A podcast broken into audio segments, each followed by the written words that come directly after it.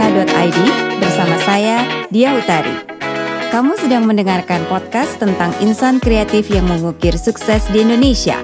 Simak cerita inspiratif mereka dalam usaha mewujudkan mimpinya.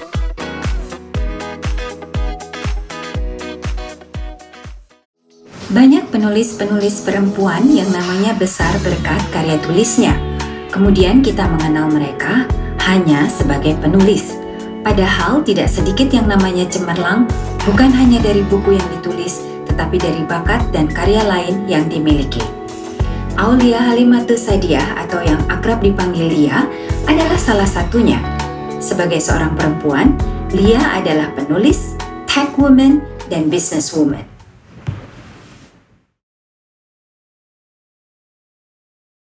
Selamat datang Lia.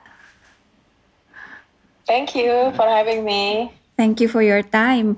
Um, mungkin sebelum kita mulai uh, untuk yang belum mengenal Lia di luar sana bisa dikenalin dulu siapa Lia?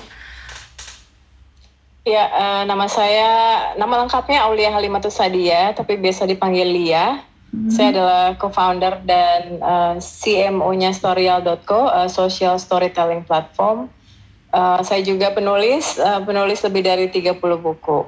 Hmm. Uh, begitu juga, saya juga uh, founder dan co-managing directornya Girls in Tech Indonesia. Hmm. Gitu. Wow. Uh, jadi ada tiga tentang Lia nih, uh, penulis, terus uh, techie, dan juga uh, yeah. business business woman. Kita ngomongin uh, satu-satu ya Lia. Iya, boleh Mbak. Mungkin diawali dari uh, sebagai penulis ini kayak bisa dibilang mungkin cikal bakal your enterprises uh, semua usaha-usaha yang dijalankan sekarang. Gimana awalnya Lia? Ya, cikal bakal ya. Sebenarnya uh, awalnya banget itu karena aku suka membaca ya. Uh, aku baca komik dulu waktu itu. Hmm. Uh, dan uh, I I read very early uh, waktu umur empat tahunan gitu aku bisa baca, baca majalah mm. Bobo waktu itu. Mm. And then karena aku suka baca, uh, aku bacanya karena dari komik dulu, aku jadi suka menggambar. Jadi aku sebenarnya suka menggambar dulu sebelum menulis. Nah, uh, pas aku bikin gambar itu komik manga, Japanese manga gitu aku bikin. Terus kan kalau bikin komik tuh harus ada ceritanya ya. Mm-hmm. Jadi uh, lama-lama ceritanya tuh lebih panjang daripada kotak komik komiknya. Jadi kalau komik kan ada kotak-kotak dialognya ya. Lama-lama tuh makin lama makin panjang uh, tulisan aku. Mm. Jadi uh, di situ aku uh, mulai akhirnya melepas dari komik ke benar-benar nulis aja, uh, nulis SMA mulai nulis-nulis cerpen, puisi gitu-gitu. Terus tapi karena aku coba kirim nggak pernah diterima gitu ya majalah-majalah remaja waktu itu ya akhirnya ya aku cuma jadiin hobi aja. Terus sambil uh, eh, lulus kuliah aku kerja, mulai kerja pas lagi kerja itu aku dapat beasiswa untuk uh, belajar nulis waktu itu dari Gagas Media. Hmm. Uh, aku aku belajar nulis tiga bulan. Uh, jadi maksudnya dapat beasiswa tuh ikutan tesnya ya, ada tesnya. Habis itu aku lulus dan aku belajar nulis selama tiga bulan. Nah setelah tiga bulan itu aku bisa berhasil menulis sebuah buku. Hmm. Nah uh, buku itu uh, judulnya Look on Fire. It's a novel dan dan novel itu kemudian menjadi bestseller dan uh, menjadi basically uh, the rest is history lah. Sejak itu aku uh, sangat produktif menulis sampai sekarang. Hmm. Jadi memang dari awal uh, belajar menulisnya itu belajar nulis fiksi. Iya, jadi aku uh, nulis fiksi dulu for for the first uh, I think five years of my career kayaknya aku nulis fiksi aja deh kita. Jadi basically kebanyakan nulis fiksi. Hmm. Waktu yang tiga bulan dapat beasiswa itu apa yang dipelajari, Li? Ya, creative writing. So aku belajar creative writing seminggu sekali uh, dari uh, my uh, senior writer di Indonesia namanya Mas Sulap. Hmm. Uh, uh, aku belajar semuanya ya soal creative writing, mulai dari nulis uh, plot kayak gimana, bikin karakter, deskripsi kayak gitu-gitu sih. Hmm. Uh, semuanya aku pelajarin. Hmm. Tapi teknik itu satu, tapi kalau ide untuk nulisnya kayak misalnya mm, jalan cerita dan lain-lain itu juga diajarin. Ya itu basically uh, dicontohkan ya. Cuma of course uh, ide itu datang dari kita sendiri. Hmm. Jadi uh, dari penulisnya. That's why imajinasi seorang penulis tuh emang harus terus diasah gitu. Hmm. Uh, dan dan selama ini sih aku hampir nggak pernah ya ngalamin yang namanya uh, writer's block. Itu jarang banget malah malah yang ada tuh suka kelebihan ide kalau aku ya. Jadi kayak how to basically nyaring ide-ide yang pas buat dieksekusi itu yang mana itu that's my problem. Jadi jarang banget aku kekurangan ide gitu. Itu memang udah bawaan dari sananya atau ada sesuatu yang yang selalu bikin ignite your imagination? Kayaknya sih bukan bawaan juga ya. Talent. uh, uh, soalnya kalau itu sih semua bisa dilatih dan aku ngelihatnya sih ya pertama first of all uh, I come from a family yang uh, tiap tiga tahun pindah pindah rumah gitu ya. Jadi kita uh, keliling Indonesia karena ngikutin papa ya. Hmm. So uh, dari situ aja sebenarnya aku udah banyak sekali uh, lumayan kaya dengan dengan pengalaman gitu ya. Hmm. Uh, karena aku pindah-pindahnya kayak di dari Jogja, Makassar, Kupang, Banjarmasin, Bengkulu kayak gitu. Jadi aku jadi tahu banyak lah soal uh, culture dan uh, dari situ uh, belajar banyak terus habis itu juga aku sangat suka membaca ya sampai sekarang hmm. jadi aku uh, baca buku mungkin satu judul buku tiap hari bisa gitu dan dan uh, itu minimal gitu dan dan karena itu mungkin jadinya imaj imajinasi juga jadi sangat sangat luas ya hmm. dari buku-buku itu saja. Hmm. Plus aku juga membacanya nggak cuma membaca buku, tapi benar-benar membaca membaca dal dalam arti yang sesungguhnya. Maksudnya kayak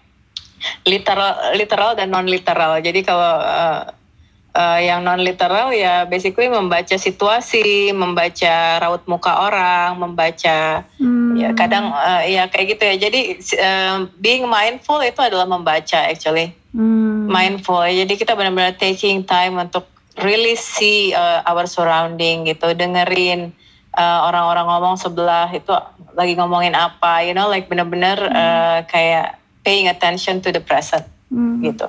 Kalau aku baca buku itu uh, bisa membayangkan uh, settingnya, orangnya dan lain-lain ya. Tapi kalau pada saat mau nulis itu kayak kehabisan kata-kata ya. Kayak uh, kayak bank katanya tuh nggak cukup untuk menulis, apalagi bahasa Indonesia itu kan susah ya. Bener nggak? Hmm, ini praktis ya mbak. Kalau hmm. soal itu praktis, uh, jadi uh, kalau kehabisan kata itu hampir nggak mungkin terjadi gitu. Jadi karena kita nggak akan mungkin kehabisan kata. Jadi kalau kita uh, berlatih gitu ya, dan dan saran aku sih latihan awal tuh dengan ngomong aja. Jadi uh, transkrip dulu aja nggak apa-apa. Jadi hmm. misalnya ada yang ada yang pengen disampaikan, coba sampaikan dulu melalui kata-kata yang suara gitu. Hmm. Nah nanti dari suara itu bisa kita transkrip jadi kata-kata gitu, diketik ulang lah ya. Hmm. Nah itu itu sebagai awal. Nanti lama-lama um, Mbak akan bisa uh, menga lebih mengalir lagi dalam menulis gitu. Hmm. Tapi it, takes practice, uh, and you can also uh, cara praktisnya juga bisa as simple as menyalin kembali novel favorit Mbak gitu. Itu bisa banget. Oh. Jadi iya jadi contoh uh, your favorite novel apa ya? Um, I don't know. Uh, what's your favorite novel? Uh, yang yang bahasa Indonesia. Bahasa Indonesia ya. Uh, bukunya Pak Pram. Oke, okay, let's say itu ya. Judulnya hmm. apa, Mbak? Uh, Bumi Manusia. Ya, let's say bumi manusia. Coba aja Mbak, you, you take time uh, uh, tiap hari ya, tiap hmm. hari you you type satu halaman setiap hari. Hmm. Coba coba aja deh. Ha. And then uh, basically ntar uh, seakan-akan you are the one writing bumi manusia seakan-akan. Oh. And and and your brain is actually recording that bahwa eh ternyata lu nggak kehabisan kata-kata kok you can do this apa segala macam and then uh, gradually uh, di hari misalnya you do it for a week nanti di hari ke delapan you you you can be more uh, you can write more gitu on your own gitu hmm. cobain deh hmm. Menarik eh, kalau kamu bilang uh, menulis benar-benar ditulis pakai tangan dan pen bukan mengetik ada oh, bedanya? Oh, bisa dua-duanya, bisa dua-duanya. But ah, uh, ya, jadi gini, uh, for the practical reason kita uh -huh. ngetik ya. Uh -huh tapi uh, tapi to get ideas uh, aku saranin pakai pen and paper so uh, if you're uh, looking for ideas, for example, atau writing down your outline about your next book atau your next writing, hmm. uh, Mbak bisa nulisnya pakai pen and paper itu jauh lebih ngalir uh, idenya keluar daripada pakai uh, pakai ketikan gitu. Hmm. Nanti if you already have the idea, you have the mind map, you have the outline, you can write it better uh, dengan dengan laptop gitu. Hmm, interesting. Pernah coba? Memang itu teknik yang kamu pakai dulu untuk kemudian bisa seperti kayak mengalir yeah, lancar. Uh, Iya, aku ya, I mean sekarang sih aku udah sangat proficient ya, maksudnya hmm. uh, aku nggak perlu melakukan itu lagi. Hmm. Uh, tapi uh, it's always eh no no no, in fact I still do that, I still do that. Jadi aku masih pakai pen and paper untuk semua konsep. Hmm. Uh, nanti baru aku expandnya pakai uh, laptop ya. Aku baru ingat sih ya. Memang aku I still do that ya sampai sekarang. Hmm, menarik. Terus tadi balik lagi kalau kamu bisa baca buku satu dalam satu hari itu eh, bacanya benar dari kata per kata per titik diikutin atau kayak speed reading yang cuman inti-intinya aja yang dibaca? Ya, yeah, jadi uh, basically the point uh, the point of you have to know why you are reading a book itu dulu ya. Hmm. Jadi uh, aku when I read a book mostly to to get information. Mm-hmm. Jadi uh, for me speed reading itu nggak masalah. Mm. Jadi uh, aku speed read sampai ada informasi yang aku cari, aku berhenti dan aku readnya lebih lebih lambat, mm. gitu. Tapi kalau misalnya baca novel, membaca untuk kes entertainment gitu ya, untuk kesenangan kita, mm. uh, ya you read it normally aja. Jadi you don't need to read fast kan ya, you need uh, you read it normally. Tapi kalau aku mostly aku bacanya non fiksi dan ada informasi yang aku cari. Uh, jadi aku biasanya speed read sampai ada informasinya dan baru aku agak lambat di di informasi tersebut. Hmm. Dan uh, dan I'm an active reader as in uh, I highlight things uh, and begitu bukunya udah selesai, highlightnya aku baca ulang semuanya sambil aku catat pakai pen and paper. Hmm. Jadi kayak uh, apa yang barusan aku baca ini, uh, what did I learn gitu loh. Hmm. So uh, for a for a good book, I can get uh, up to 10 pages of uh, handwritten notes. Tapi kalau bukunya nggak terlalu bagus ya paling paling aku bisa dapat satu quote saja and stuff like that. Hmm. And yeah. then si notesnya itu dipakai untuk apa li biasanya?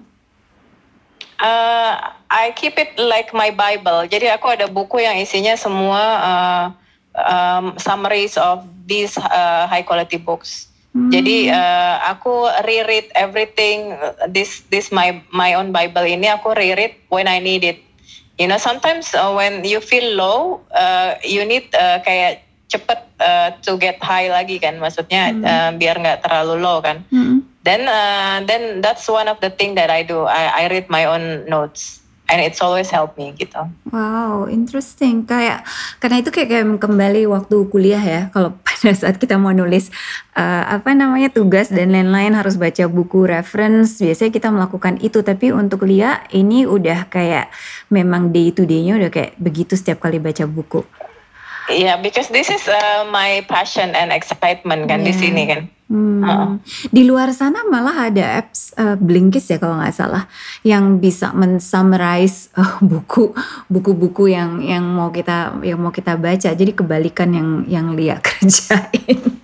Iya ya, I I agree. Uh, Blinkist itu uh, bisa dipakai. Cuma kalau aku berpikir tiap orang membaca dan mengambil kesimpulan differently. Hmm. Jadi kalau aku baca sama Mbak dia baca, your uh, your kesimpulan sama my kesimpulan would be different totally hmm. based on what we need.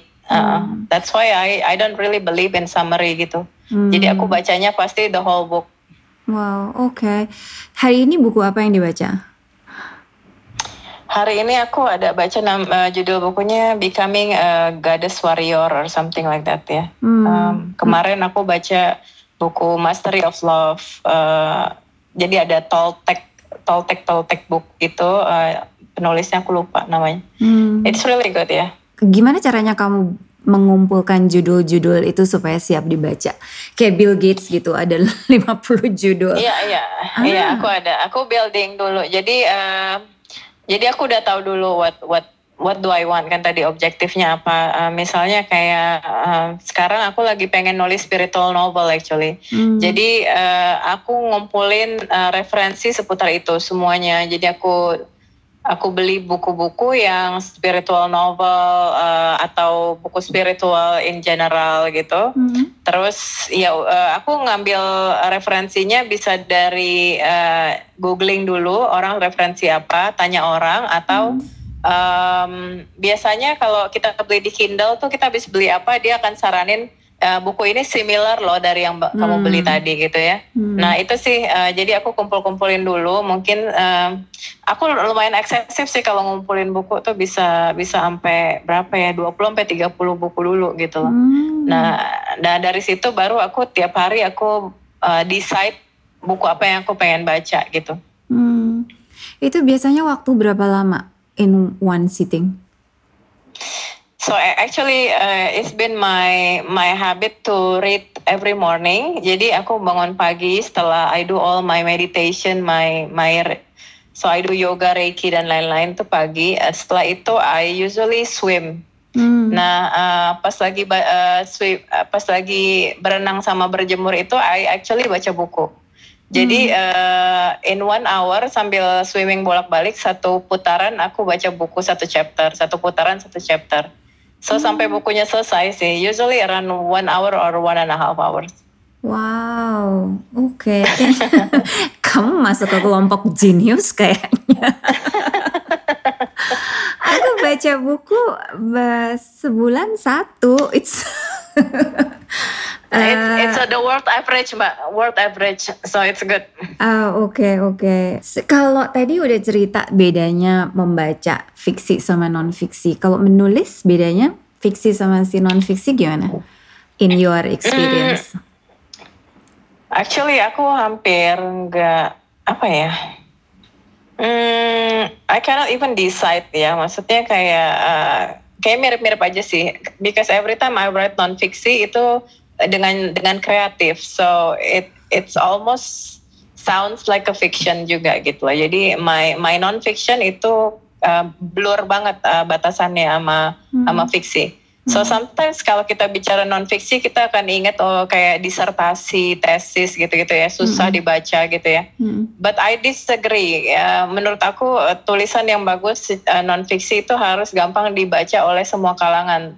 Termasuk uh, you know your own parents should understand. You know your in-laws should understand even when the the topic is very difficult. Jadi uh, keberhasilan seorang penulis itu menurut aku di situ pada saat dia bisa menyederhanakan suatu tema gitu loh. Hmm. So uh, justru kalau pas nulis tuh kayak agak agak blur ya aku soalnya uh, agak batasannya tuh tipis banget. Hmm, oke, okay, oke. Okay. Your favorite uh, penulis? Uh, banyak ya banyak banget sih. uh, kalau misalnya, jadi aku suka Fernando Pessoa, I like uh, uh, Orhan Pamuk, aku suka dari hmm. Turki. Hmm. Terus uh, kalau penulis non fiksi aku suka Frederick Dodson, uh, Vadim Zilan. Um, itu non fiksi semua ya. Hmm. Terus ya quite a lot sih. Hmm. Yang kamu suka uh, tentang mereka apa li? Hmm, kalau misalnya kayak Fernando Pessoa, um, Orhan Pamuk gitu, uh, karena mereka nulisnya fiksi-fiksi ya. Hmm. Uh, yang aku suka dari mereka itu adalah uh, the way they write itu bikin aku baper gitu loh. Hmm, oke. Okay. Jadi kayak iya, tekniknya. Ya, jadi uh, jadi kebawa gitu loh. Jadi hmm. kayak uh, ketika mereka ngomong, apalagi Fernando Pessoa kalau Fernando Pessoa udah aku baca sebaris saja, hmm. aku tuh udah langsung uh, apa ya? Aku jadi kalau Fernando Pessoa tuh bukunya aku nggak bisa selesaikan sampai sekarang, benar-benar nggak bisa. Hmm. Jadi baca sebaris aja tuh udah harus harus taruh bukunya dan udah langsung, hah gitu loh, udah kayak langsung reflecting gitu loh. Iya hmm. karena uh, coba deh baca bukunya The Book of Disquiet bagus banget. Jadi okay. uh, baca sebaris saja itu udah langsung taruh bukunya dan langsung dipikirin gitu loh karena benar-benar dalam dia. Hmm. So I really love uh, their uh, apa namanya kemampuan mereka untuk me membuat aku tuh ya jadi baper gitu ya jadi mikir gitu loh. Hmm. Kalau Vadim Zilan sama Frederick Dodson uh, dia non fiksi dan it's uh, itu ngomongin soal fisika kuantum, reality, uh, universe kayak gitu. Jadi aku sukanya karena ya basically uh, bagaimana bagaimana cara memanipulasi uh, realitas lah basically itunya yang, yang mereka tawarkan di situ kan yang hmm. so because I'm I'm an experimenter in my life like life experiments I love doing it hmm. so uh, so baca buku mereka tuh uh, menyenangkan karena I can I can experiment with it gitu. Hmm. Sekarang Lia memang punya passion di dunia literasi, menulis, membaca dan lain-lain, tapi kayak membaca itu kayak semacam life skill yang harus dimiliki semua orang. What do you think? Mm. Yeah, of course I agree because uh, membaca tuh kayak brand gym ya. Hmm. Pada saat uh, kita membaca, otak kita aktif kanan kiri kanan kiri gitu. Jadi itu udah kayak ngelatih otak kita untuk hmm. menjadi apa ya? Lebih lebih pinter lah. Jadi lebih cepat connecting the dots. Jadi di luar di luar sana I can I can think really fast dan kalau aku butuh ngambil keputusan aku juga bisa ambil keputusan really fast karena hmm. kemampuanku untuk connecting the information hmm. oh A B A B A B and then I can come up with uh, imagination intuition apa segala macam itu dari membaca sih aku bilang hmm. oke okay.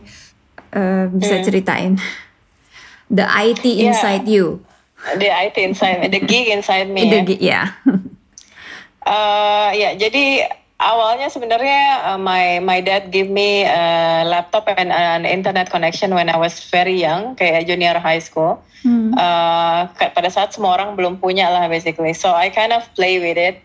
Terus I I realize uh, orang-orang so I have a lot of friends dari luar negeri dan mereka rata-rata uh, pada punya website waktu itu ya. Terus I think about it aku bilang kayak oh I really want to showcase my poetry uh, in in a website gitu loh. That's hmm. that's the first thing I thought. Terus uh, ya udah dari situ aku belajar sendiri sih bagaimana caranya bikin website. Waktu itu junior high ya. Hmm. Terus uh, uh, high school aku mulai start bikinin website-website buat my teacher, my friends kayak gitu. Hmm. Income uh, uh, I created me and my friends uh, we created Storyal. Uh, so basically di Storyal uh, eh, teman-teman penulis bisa upload karyanya per bab dan uh, itu membantu banget untuk basically um, take your writing one uh, one chapter at a time. So you're not overwhelmed ya kan? Uh, begitu you're not overwhelmed you can finish it uh, easier gitu loh. Hmm. and then uh, and then at one point you can also sell the book one chapter at a time so you don't need to finish a book before you can sell it and earning uh, some income you know Hmm. So uh, ya itu yang kita coba lakuin sama Storyal hmm. dengan. Jadi dengan konsep yang menyelesaikan satu bab satu bab itu memang insight dari penulis uh, seperti itu ya? Yeah, no, no. Actually, it's more of my my conclusion aja sih. Okay. Bahwa uh, pada saat kita nulisnya bab karena menulis adalah solitary work, right? So when when you write by yourself and like for example you get overwhelmed at chapter 13 for example. Mm-hmm. And then uh, you get overwhelmed habis itu you just stop and nobody knows it gitu loh ya kan? Mm-hmm. Uh, and then the the book will be buried forever gitu kayak nggak pernah ada yang tahu. But then if you stop at 30 chapter on Storyal, someone would read and then they they would nag you to write the 31st hmm. chapter kayak gitu ya. Jadi kayak kalau ada recognition, kalau ada yang baca, uh, it's very hard for a writer to just stop gitu loh. Hmm. So that was my hypothesis basically. Ya, akhirnya memang confirm setelah kita bikin storyal. Hmm. Uh, semua yang menulis di storyal sudah pasti bisa uh, mendapatkan hasil dari tulisannya itu. Apa yang bikin yeah. ada yang membeli dan tidak dibeli? Oh ya, jadi basically kalau di tempat kita ada ada flow-nya, ada urutannya. Jadi uh, buku harus uh, basically diterbitkan satu-satu dulu. Habis itu harus ada pembacanya gitu ya, engagementnya bagus. Baru kita bisa uh, baru kita bisa consider untuk menjadikan premium. Uh, premium artinya berbayar ya. Hmm. Nah, uh, pada saat jadi premium, uh, ya penulis silakan untuk berpromosi uh, untuk bukunya masing-masing. Aku lihat sih yang membedakan antara penulis yang making uh, puluhan juta dan yang making cuma ratusan ribu, itu bedanya adalah di amount of promotion sama dia punya the uh, bigger hmm. community uh, yang back mereka. So uh, if uh, if they can earn more itu artinya karena mereka building dari community gitu properly gitu. Jadi hmm. benar-benar berteman dengan pembaca-pembacanya. Hmm, menarik ya.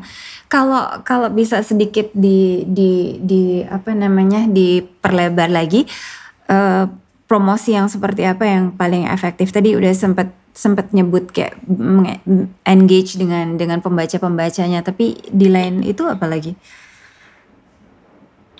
Ya, yeah, uh, ya yeah, actually basically kan sebenarnya mengetahui your audience itu siapa dulu, that's important. And then what do they wanna read sebenarnya gitu kan? Apakah kamu juga sama gitu punya ketertarikan yang sama untuk menuliskan apa yang mereka ingin baca? Ya, yeah, hmm. and then and then if you have the same uh, uh, vision, mereka pengen baca ini, kamu juga pengen nulis itu, ya udah uh, kamu basically write uh, based on your audience seperti itu. Nah, begitu mereka udah mulai ketagihan dan uh, nulis nulis per bab tuh harus ada kayak apa ya, kayak clickbaitnya, jadi kayak uh, cliffhanger kita bilang ya. Jadi dari bab per bab tuh bikin orang kayak ketagihan terus gitu.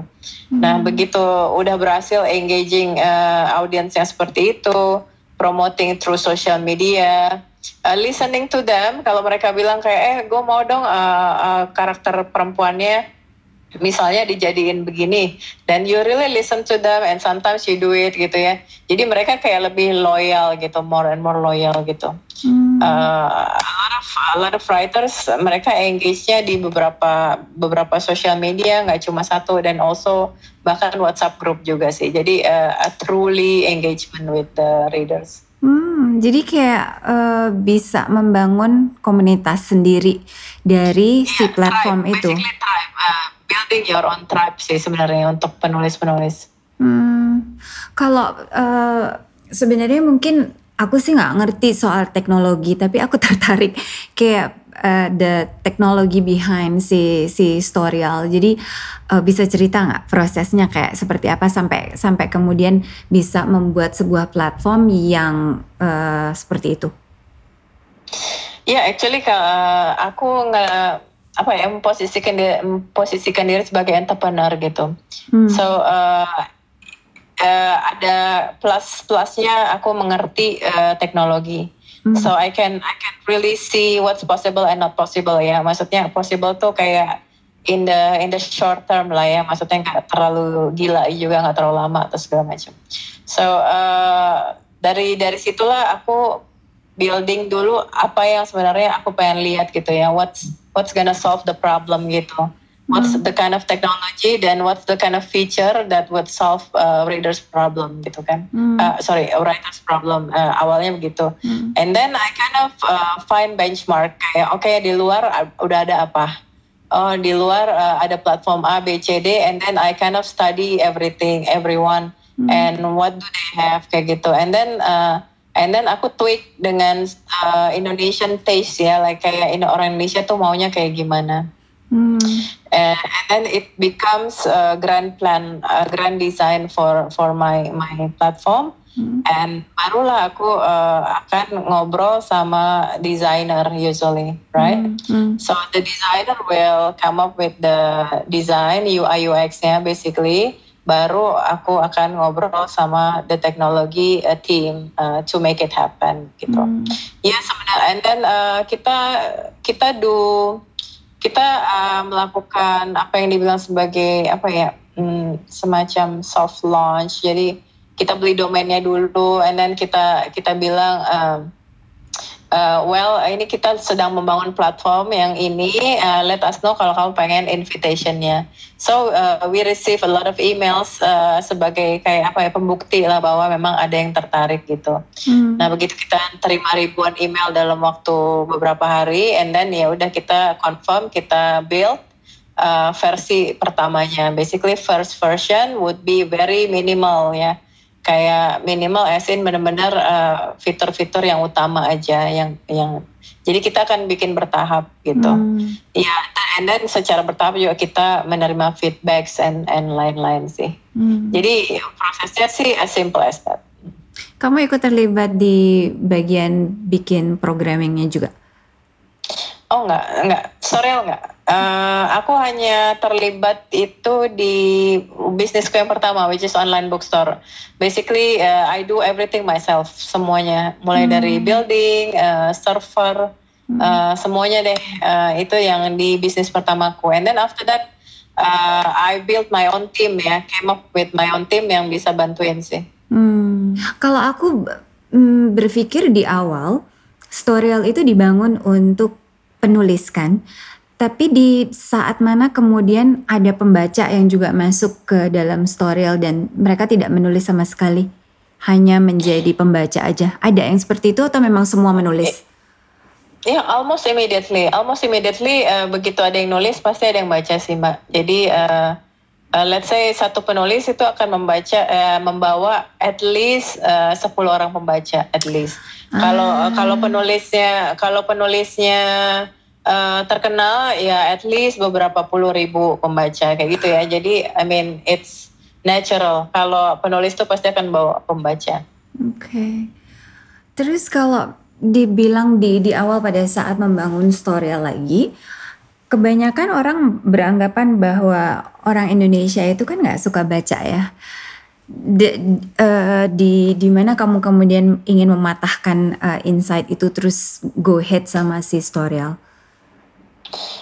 Ya, yeah, actually um, uh, kita sekarang lihatnya adalah orang Indonesia nggak suka baca, tapi nggak suka baca apa nih? Misalnya mungkin nggak suka baca skripsi, mungkin for example ya. Hmm. I mean uh, itu dulu yang harus kita teliti kan. Uh, ada orang Indonesia tuh suka membaca specific things gitu loh ya kan dan yang yang kita temui adalah mereka suka baca banget uh, yang berhubungan sama romance uh, horror komedi hmm. Ya kan hmm. nah nah begitu kita udah mengerti itu ya it's very easy to build contents around that gitu to build stories and books around that hmm. jadi uh, kita nggak bisa sekedar bilang bahwa orang Indonesia nggak suka baca and then uh, in this uh, uh, perkembangannya ya jadi perkembangannya juga Storyal is actually not a reading platform. We are a, a, an IP factory sebenarnya. Hmm. So uh, for every stories yang masuk di tempat kita dan juga menjadi premium, hmm. itu uh, kita kayak mem memegang uh, intellectual property-nya juga gitu loh. Hmm. So uh, itu intellectual property itu yang bisa kita uh, kembangkan jadi web series, komik, novel, uh, sorry uh, audio story, uh, film gitu. Hmm. Jadi itu itu yang kita pegang. Kalau yang uh, satu hal uh, cerita suksesnya Storyal yang membuat kamu berpikir bahwa ya saya sudah berhasil uh, membangun ini ada? Kita punya udah punya puluhan penulis yang making uh, belasan hingga puluhan juta rupiah gitu hmm. dan dan ini datangnya nggak dari Jakarta jadi ini hmm. benar tersebar dari seluruh Indonesia hmm. dan menurut aku untuk tingkat uh, eh, UMR di daerah mereka yang di angka mungkin 1,5 sampai 2 juta uh, penghasilan mereka itu udah kayak 5 sampai 10 kali lipat gitu sebagai penulis. Hmm. Jadi menurut aku ini udah something yang ya ya confirm lah apa yang kita jadi istilahnya they can use uh, tulisan tuh sebagai ATM-nya mereka. Benar. They can use their writing as their ATM, ya. Yeah. Dan dan apa namanya uh, pendapatannya ini kayak income streamnya itu uh, setiap bulan gitu. Iya, yeah, they can they can take it uh, setiap bulan or not terserah mereka sih. Jadi hmm. uh, itu semua transparan, mereka bisa lihat di storyal walletnya mereka, royaltinya mereka terima berapa, bahkan bahkan tiap kali ada yang beli itu mereka akan dapat notification. So it's really uh, fun for me karena aku juga penulis storyal kan. Hmm. So everyone some everyone some uh, every time someone bought my chapter kayak I, I get notification. And kalau udah kayak sering banget tuh kayak happy ngeliatnya. Kayak someone buying your chapter someone buying your chapter gitu. So it's really good. Hmm. uh, fokusnya masih tetap di fiksi untuk storyal ya story kebanyakan fiksi, but uh, kita nggak nggak ini sih nggak apa ya nggak menahan non fiksi juga it's really open kita hmm. so, kita actually di di era covid 19 ini kita uh, readershipnya naik dua tiga kali lipat ya hmm. jadi kayak more more people find times uh, to read and also uh, need more entertainment hmm. uh, tarik ke belakang dari dari mulai uh, apa namanya uh, bikin website sendiri tadi yang diceritain sampai ke titik uh, storyal, pelajaran apa yang diambil dari membuka satu bisnis ke ke bisnis lain ya? Um, pelajarannya sih always to always innovate, hmm. uh, never stop learning, and also uh, apa ya? mau belajar untuk keluar dari comfort zone sih. Jadi misalnya my comfort zone is uh, aku actually berpindah-pindah uh, role ya. Jadi uh, hmm kadang uh, chief konten ngurusin konten kadang sekarang aku ngurusin marketing which aku harus belajar lagi nih tentang marketing hmm. digital marketing semuanya aku pelajari lagi. Awalnya teknologi dulu sorry teknologi kan aku dulu ngurusin teknologinya kayak gimana. Habis itu aku pindah ke kontennya ngurusin konten tuh kayak gimana. And then sekarang aku marketing. So really have to uh, be able to be flexible gitu untuk belajar hal baru hmm. gitu dan keluar dari comfort zone. Oke, okay. uh, Lia sempat cerita tentang girl stack uh, sebelum hmm. kita sampai girl, si girls intake. Girls intake. Jadi sebelum sebelum ngobrolin girls intake, uh, pandangan kamu tentang perempuan dan teknologi gimana? Dengan Indonesia sebagai konteks Iya, uh, menurut aku sih uh, perempuan harus lebih banyak uh, mau embrace dan nggak uh, takut sama teknologi ya, hmm. karena uh, karena kebanyakan mungkin uh, belum belum udah kayak takut ribet dengan uh, belajar teknologi and stuff. Hmm. Uh, jadi menurutku jangan uh, harus banget di embrace karena ke, uh, kita kita adalah setengah dari pengguna teknologi. Jadi kalau kita nggak partisipasi di teknologi, kita hmm. bisa uh, ada yang hilang gitu loh, elemen yang hilang gitu. Jadi uh, sebisa mungkin kita ikut partisipasi membuat produk yang uh, akan kita pakai kan. Hmm. Uh, dan juga pada saat uh, kita uh, menemukan masalah, which is kita kan banyak in touch with kehidupan masyarakat sehari-hari dan banyak banget masalah yang kita witness gitu. Hmm. Nah kalau kita paham teknologi, kita akan tahu cara mecahinnya pakai teknologi yang sebelah mana gitu loh. Hmm. Jadi menurut menurut aku itu akan uh, solving a lot more problem uh, kalau uh, women uh, mau partisipasi lebih di teknologi. Gimana cara meluaskan um, pemaparan teknologi untuk untuk perempuan se sesimpel sesederhana apa kira-kira? Sebenarnya sih kalau ngelihat you know my own childhood gitu mungkin sesederhana itu aja sih you know like giving uh, access, giving hmm. uh, facility and also just let them explore gitu. Seperti hmm. aku dulu ya basically uh, because uh, women uh, maunya tuh kayak mereka pengen uh, to ins uh, to inspire women it's basically to show uh, them what technology can do sebenarnya gitu hmm. ya kan kayak kayak yang aku dulu aku uh, ngelihat oh website tuh ternyata bisa buat masang my poetry ya then I'm inspired terus hmm. misalnya oh ternyata teknologi bisa dibuat bikin uh, bikin filter-filter supaya muka gue kurus ya misalnya gitu hmm. and then and then they get inspired to make an app Terus oh teknologi bisa ya, misalnya gue pengen main masak-masakan, gue bisa bikin game gue sendiri ya. Tapi gue mau bikin gado-gado di game gitu bisa ya. Oh jadi they make their own game gitu. So women needs to be inspired gitu sebenarnya untuk hasil akhirnya kayak gimana. Hmm. So uh, when when they get the facility, misalnya kayak laptop, internet connection, uh, classes, uh, terus habis itu juga uh, their own peers ya teman-teman uh, teman-teman sesamanya yang juga belajar uh, coding teknologi uh, yang berbeda kayak misalnya dulu uh, when I when I'm in technology like yang aku lihat semua cowok-cowok enggak udah enggak tidur tiga hari nggak mandi hmm. habis itu mereka pakai sarung habis itu ngerokok gitu-gitu kan ya hmm. so it's it's not very appealing gitu loh tapi uh, kalau misalnya sekitar kita tuh kayak cewek-cewek, kita sama-sama manikur pedikur, kita ngetik-ngetiknya di keyboard yang warna ngetik-ngetiknya di keyboard yang warna pink misalnya gitu. You know like it really feels like home gitu. Hmm. Lebih lebih nyaman aja sih. And also the way the way men and women think is quite different gitu loh, especially around coding gitu kan. Hmm. Jadi uh, when when you find your own uh, community of female uh, uh, coders or developers misalnya, jadi you will find that you are not weird gitu. Kayak dulu aku pikir kayak eh, kayaknya gue aneh ya kok cara coding gue kayak gini beda sama teman-teman gue yang lain. Hmm. It's just it's just ternyata bedanya cowok sama cewek tuh seperti itu gitu. Dan Hmm. gue nggak tahu bahwa bahwa it's uh, my way of coding is still the right way gitu loh. Hmm, interesting. Waktu kuliah dulu, are you the only perempuan? No, no, no. Jadi basically my class itu class of 100 people ya, basically gede. And then uh, di dalam 100 itu we have 20 uh, women, so 20%. Hmm, oke. Lalu uh, girls in tech, targetnya kurang lebih uh, apa Lia? Ya, basically kita punya uh, vision itu to inspire the geek is in every girl basically. Yang tadi aku udah bilang kan. Hmm. Basically semua cewek tuh punya geek, tingkat geekiness-nya masing-masing. Hmm. Nah kita mau ignite itu gitu dari mereka. Kita kasih kita kasih banyak workshops gitu kayak bikin podcast kayak gimana, bik, eh, coding pakai Python kayak gimana, bikin game kayak gimana, you know. And then they can try everything and decide which one they really like gitu. Hmm. Gitu sih. Udah, udah berapa lama di Indonesia?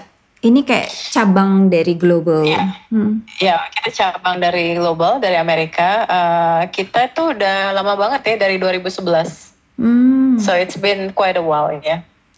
Lebih banyak di Jakarta atau lumayan keluar Jakarta juga? So we have a few times keluar kota, uh, kayak Makassar, Bandung, Bali kayak gitu. Hmm. Uh, tapi kita mainly di Jakarta. Hmm, bakat-bakat eh, menari, menyanyi, menulis gitu kan bisa di-identify ya. Tapi kalau bakat di tech itu biasanya gimana untuk oke bahwa saya tertarik untuk ini atau oke saya mau meneruskan ini sebagai eh, salah satu yang saya ingin tekuni. Hmm, sebenarnya teknologi itu uh, kuncinya cuma curiosity. Jadi uh, ada curiosity to solve problem.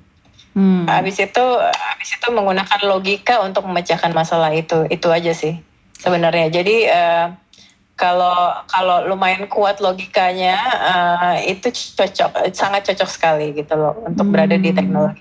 Oke. Eh, aku eh, basically aku balance. Aku balance banget sih proporsinya antara eh, otak kanan sama kiri ya. That's why I become a writer, right? Iya. Eh, tapi juga maksudnya I'm a writer yang yang balance artinya aku nggak kayak roman punya romantisme soal menulis sampai bukunya nggak kelar-kelar gitu jadi I'm I still have discipline in in finishing my book gitu Hmm. so uh, begitu juga pada saat coding pada saat coding uh, I can also do design well gitu I can also uh, mikirin estetikanya and everything Hmm. So uh, jadi pada even pada saat coding I, I want it to be structured well gitu. Jadi uh, itu sangat apa ya uh, sangat balance sih menurut aku. Jadi uh, menurut aku ya uh, either balance atau punya kekuatan di otak kiri yang penuh logika itu bagus sih buat uh, Hmm. ke teknologi. Mm. Hmm. Karena mungkin eh, apa namanya eh, masih belum biasa ya. Kayak kayak bakat-bakat sports, bakat seni itu eh, orang udah udah udah paham. Tapi untuk yang barusan Lia sebut kekuatan otak kiri, logika dan lain-lain itu hmm, sus ah, bukan susah tapi mungkin nggak biasa untuk di untuk diidentifikasi. Ac- Actually, actually uh, sekarang ini mungkin udah mulai langsung cepet sih, karena uh, anak-anak uh, se- semuda umur 5 sampai 6 tahun udah mulai bisa belajar coding kan. Hmm. So uh, you can you can really watch them if they pick it up uh, quickly gitu. Hmm, Oke. Lia itu kayak mengerjakan atau berada di role uh, uh, di pekerjaan yang overlapping gitu. Jadi kayak di ta- di uh, pada saat yang sama mengerjakan A tapi mengerjakan B, mengerjakan C juga gitu. Memang itu gayanya Lia bekerja yang sangat multitasking atau atau atau gimana? Uh, let's just say uh, I have the energy to do all that gitu and and nggak semua orang punya energi untuk melakukannya gitu dan it's okay gitu loh hmm. so uh, I'm I'm just understanding the the way the the, the, the apa the dynamic of your energy aja sih uh, hmm. I have a lot of energy uh, so I just channel it gitu Hmm. Terus uh, jadi nggak ada kesulitan prioritas, uh, terus kecapean, terus yang karena karena tahu bahwa memang ada energi berlebih dan bisa dichannelkan untuk semua yang berbeda-beda dan bermacam-macam di satu waktu. Iya, iya. So uh, sebenarnya lebih ke bagi energi kan. Um, jadi semua yang aku lakukan tuh nggak membutuhkan uh, uh, the same amount of energy actually. Jadi uh, ada yang lebih rendah dari yang lain gitu. So okay. misalnya yang uh, yang needed yang yang needed uh, more energy, I will do it first early in the morning gitu. Hmm. Uh, and and makin dikit makin dikit aku lakukan paling ujung. Like for example, uh, our our uh, podcast interview, I do it like in the afternoon, right? Hmm. Because uh, this, this would need uh, the the least of my energy kayak nggak terlalu banyak energy, just hmm. talk kan. Hmm. So uh, uh, the planning, the writing, and everything I do first thing in the morning karena it takes more uh, focus and energy. Betul. gitu. So itu cuma cuma masalah pembagian energinya doang. Okay. And then if I if I feel tired, for example, then I know uh, then I will assess myself if if this is uh, still something that I wanna do. Karena sometimes kalau uh, udah capek, berarti mungkin mungkin I already burn out in this in this job in this uh, work, or or maybe I should you know like uh, delegate it to other people, you know, uh, and stuff like that. Hmm. Kamu tipe orang yang uh, uh, apa namanya otaknya terus bekerja walaupun udah terlentang di tempat tidur enggak?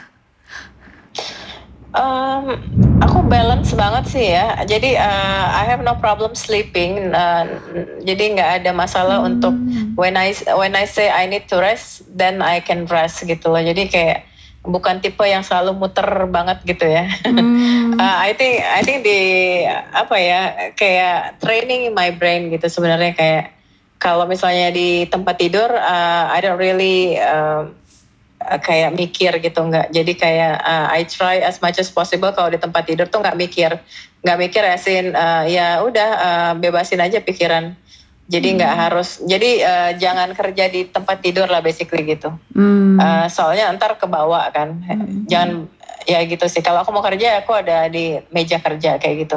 So uh, kalau misalnya udah mau tidur satu jam sebelum tidur, either aku nggak pegang HP sama sekali atau aku pegang HP tapi buat nonton film yang you know like santai gitu. Jadi benar-benar hmm. udah nggak mikir gitu. Hmm. So ya aku nggak nggak nggak constantly mikir sih nggak.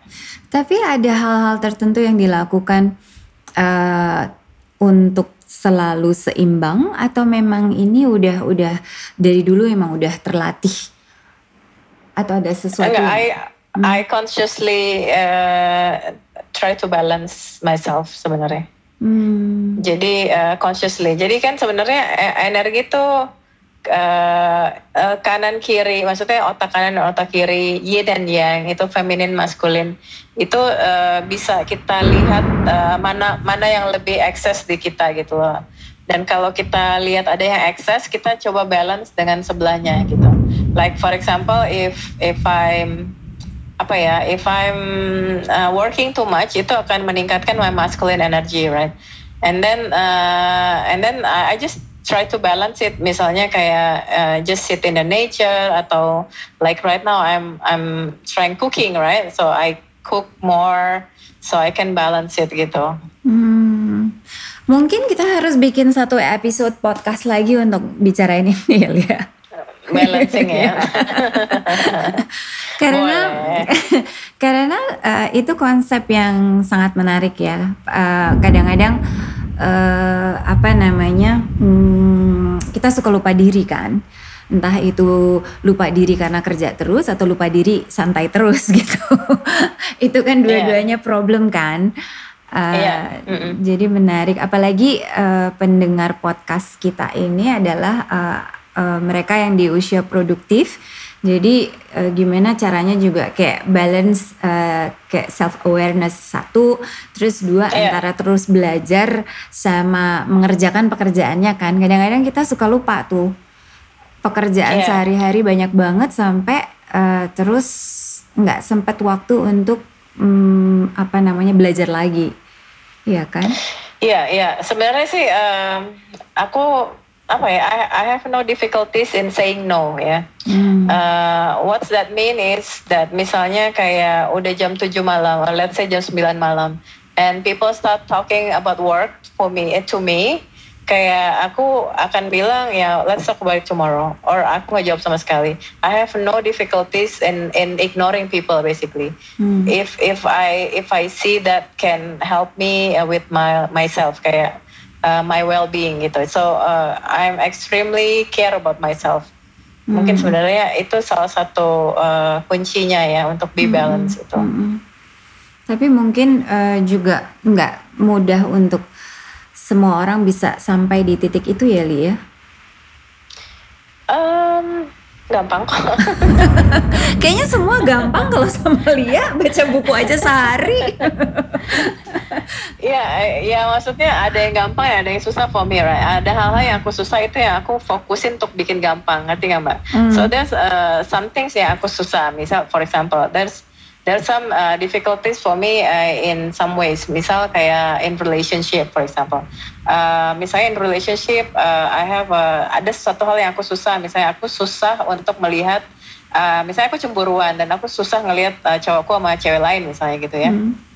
So that's the susah part for me, right? Mm. So when when when I see that and it's susah for me, then I focus on it untuk menjadikannya gampang gitu mbak. Mm you know like like that's that's always how I approach life kalau ada yang susah buat gue gimana sih caranya gue light lighten that up kayak biar gue nggak susah lagi di bagian itu hmm. that's that's the whole focus gitu hmm. uh, so so every time uh, aku berhasil dissolve yang susah-susah itu so everything menjadi gampang gitu hmm.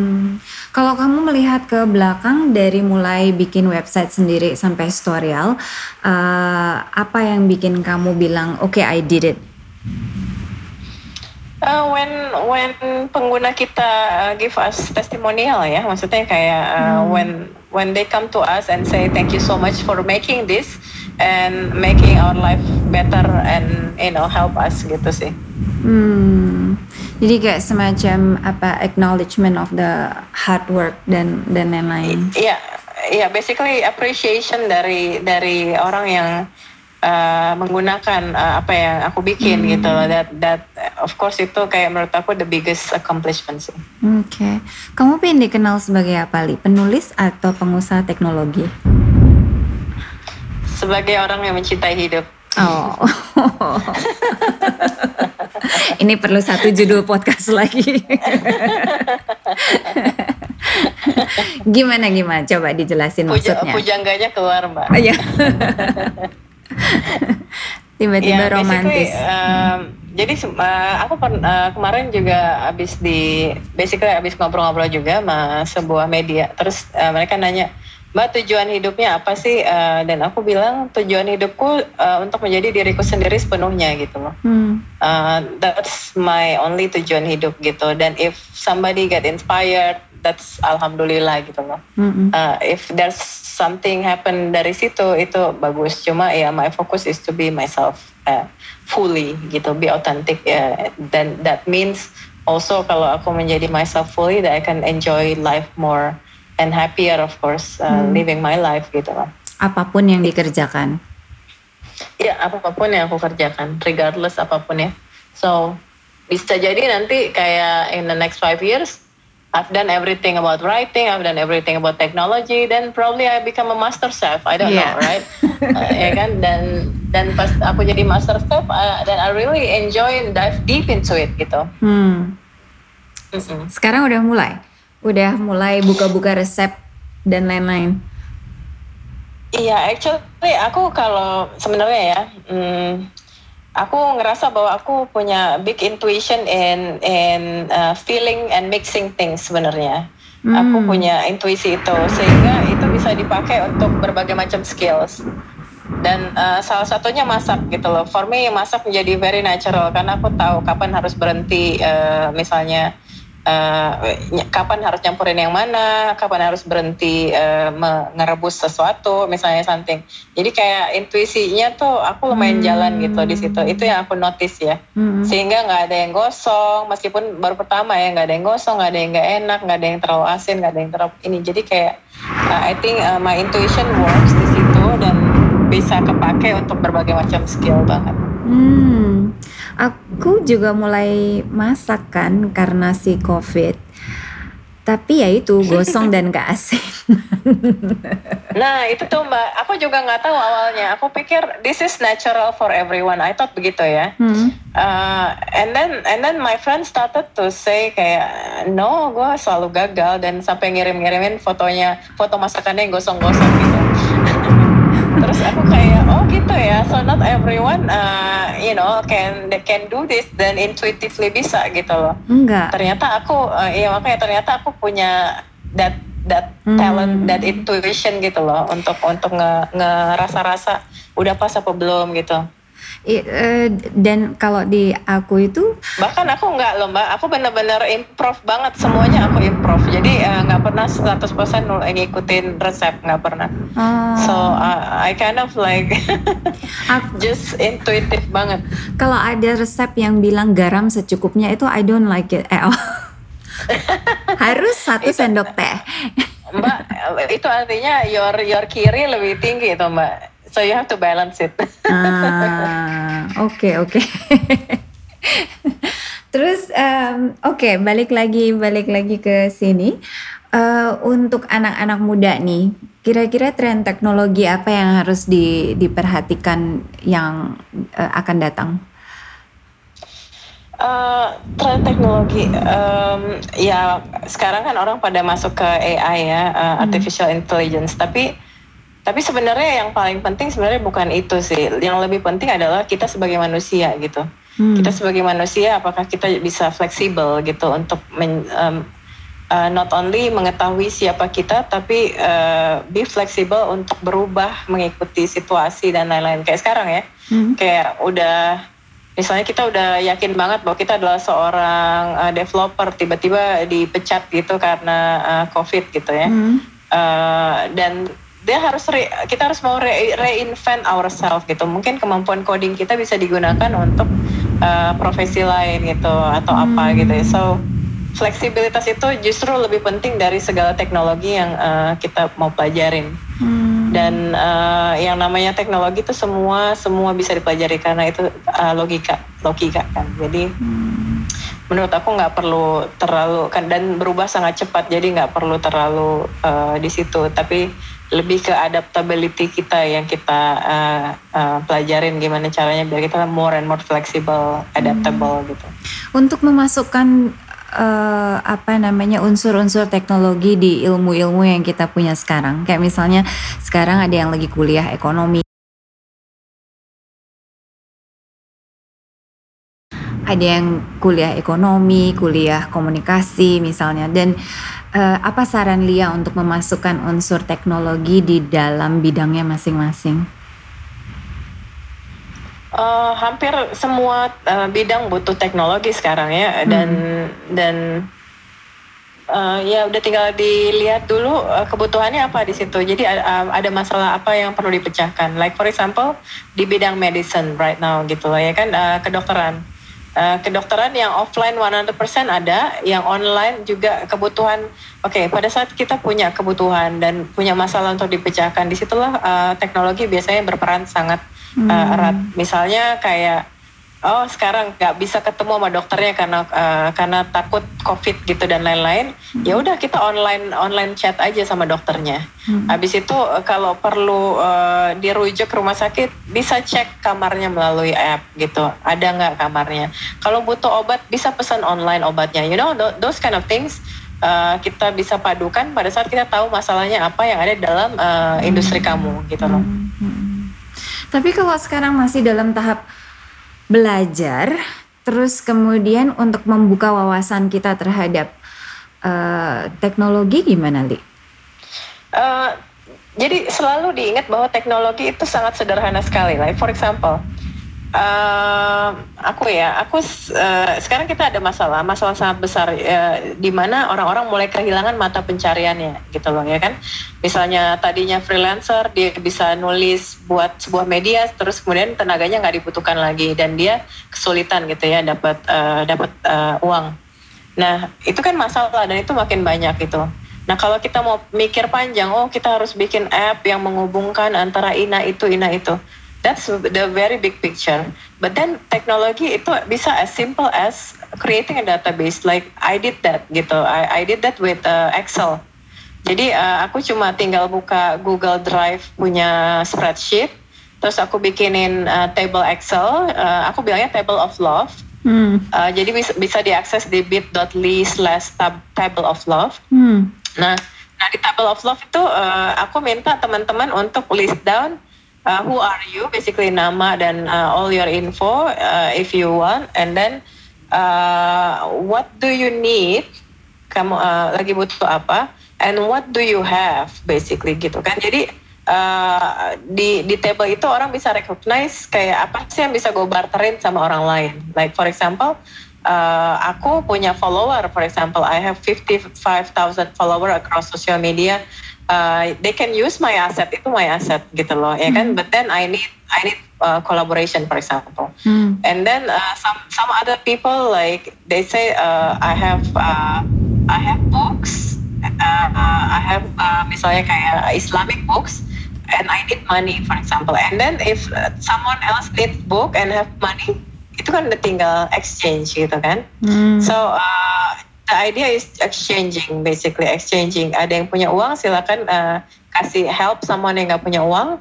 And ada yang punya skill silakan help yang yang, yang butuhkan you know. And it's only using a very simple Excel. Hmm. so nggak perlu uh, susah-susah gitu you know. So itu itu teknologi juga. Hmm. sudah lama sih table of love ini atau baru? Uh, dua mingguan dua, dua tiga minggu ya udah mbak ya. Oke oh, oke okay, okay. menarik. Oke okay, semoga menjadi inspirasi. Uh, ya dan dan udah udah banyak yang bilang sih kalau uh, mereka menemukan kayak matchnya di situ dan mereka saling helping each other from table of love. Hmm. uh. idenya dari mana li? Apa yang memicu? Ya, ya simply simply because I I watch uh, ini uh, orang-orang sekitar aku udah mulai losing jobs and everything needs mm. money gitu kan. Mm. and then I know for sure mereka akan pasti malu kalau you know like talk to me that they need money or something. Uh, then I encourage them to just put it there you know if you need a job apa segala macam. So I can watch them uh, closely. Oh yang ini need a job yang ini need apa segala macam. Then I can mm. I can really offer them help uh, privately gitu. Without without them uh, actually asking to me uh, directly hmm. which will make them ashamed gitu loh ya kan. Yeah. Kalau di sini kan mereka uh, mereka like everyone else mereka cuma listing down what they need and what they have. So it's like uh, having a self of uh, apa namanya self respect yang gede maksudnya uh, mereka still fe uh, feel respectful about themselves juga kan. Hmm. Dan it's very easy to to use gitu pakai Excel doang. Tapi memang uh, kamu itu betul-betul balance antara intuisi melihat keadaan sekitar tapi terus juga memberikan solusi Ya kan, mungkin orang-orang hanya bisa oke okay, kasihan kasihan tapi nggak tahu gimana cara yang terbaik untuk untuk membantu sih. I think I learn a lot from this conversation.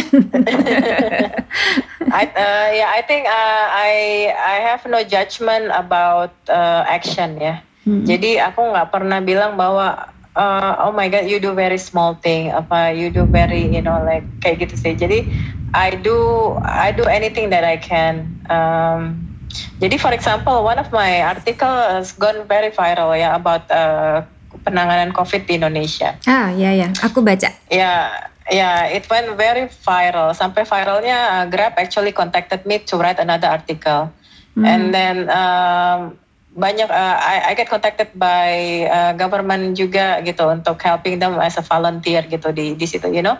So uh, writing can make uh, a difference gitu loh dan dan banyak penulis juga begitu ngelihat apa yang aku lakukan mereka kayak inspired juga bahwa oh ternyata meskipun gue cuma penulis quote and quote I can make a difference. Hmm. and I say yeah of course writing is the most powerful form of uh, communication gitu loh. Hmm. apalagi di di era seperti sekarang ini gitu. So hmm. yeah so I don't judge myself I don't ever judge myself ah lu tuh cuma bisa nulis doang misalnya. I don't ever judge myself. I just do what I can do uh, sekecil apa pun saat itu juga. Hmm, very nice.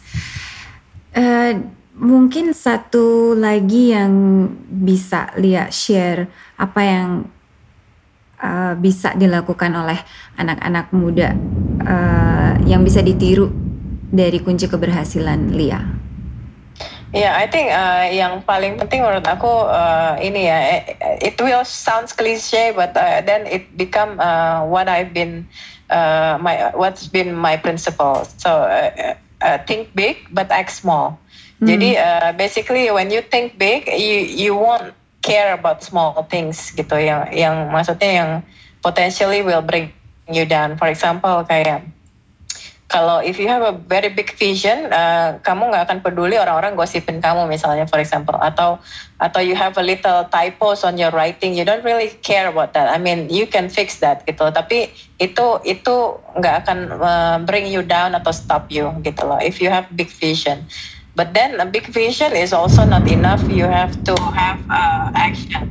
Dan small action itu uh, penting. Yang penting maksudnya uh, small action tapi benar-benar dilakukan dan uh, itu gradually akan uh, bergulir menjadi uh, besar gitu impactnya. So hmm. it's it's exactly what I've been doing. Uh, selalu se seperti itu sih. Uh, jadi kayak sekarang Mas Toriel udah million dollars company ya maksudnya uh, I started very small gitu you know hmm. like oh with with no uh, bahkan no uh, uh, no capital uh, no cash capital in in at first gitu loh hmm. so benar-benar kayak do one thing at a time hmm. oke okay. terima kasih banyak Lia Lia memiliki prinsip think big, act small. Artinya, ketika kamu berpikir luas, kamu tidak akan menghiraukan hal kecil yang berpotensi mematahkan semangat. Kemudian, think big tidak akan maksimal tanpa act small. Act small artinya hal kecil yang bermakna yang harus dilakukan. Karena kalau tidak dilakukan, dia tidak akan bergulir menjadi sesuatu yang besar dan nyata.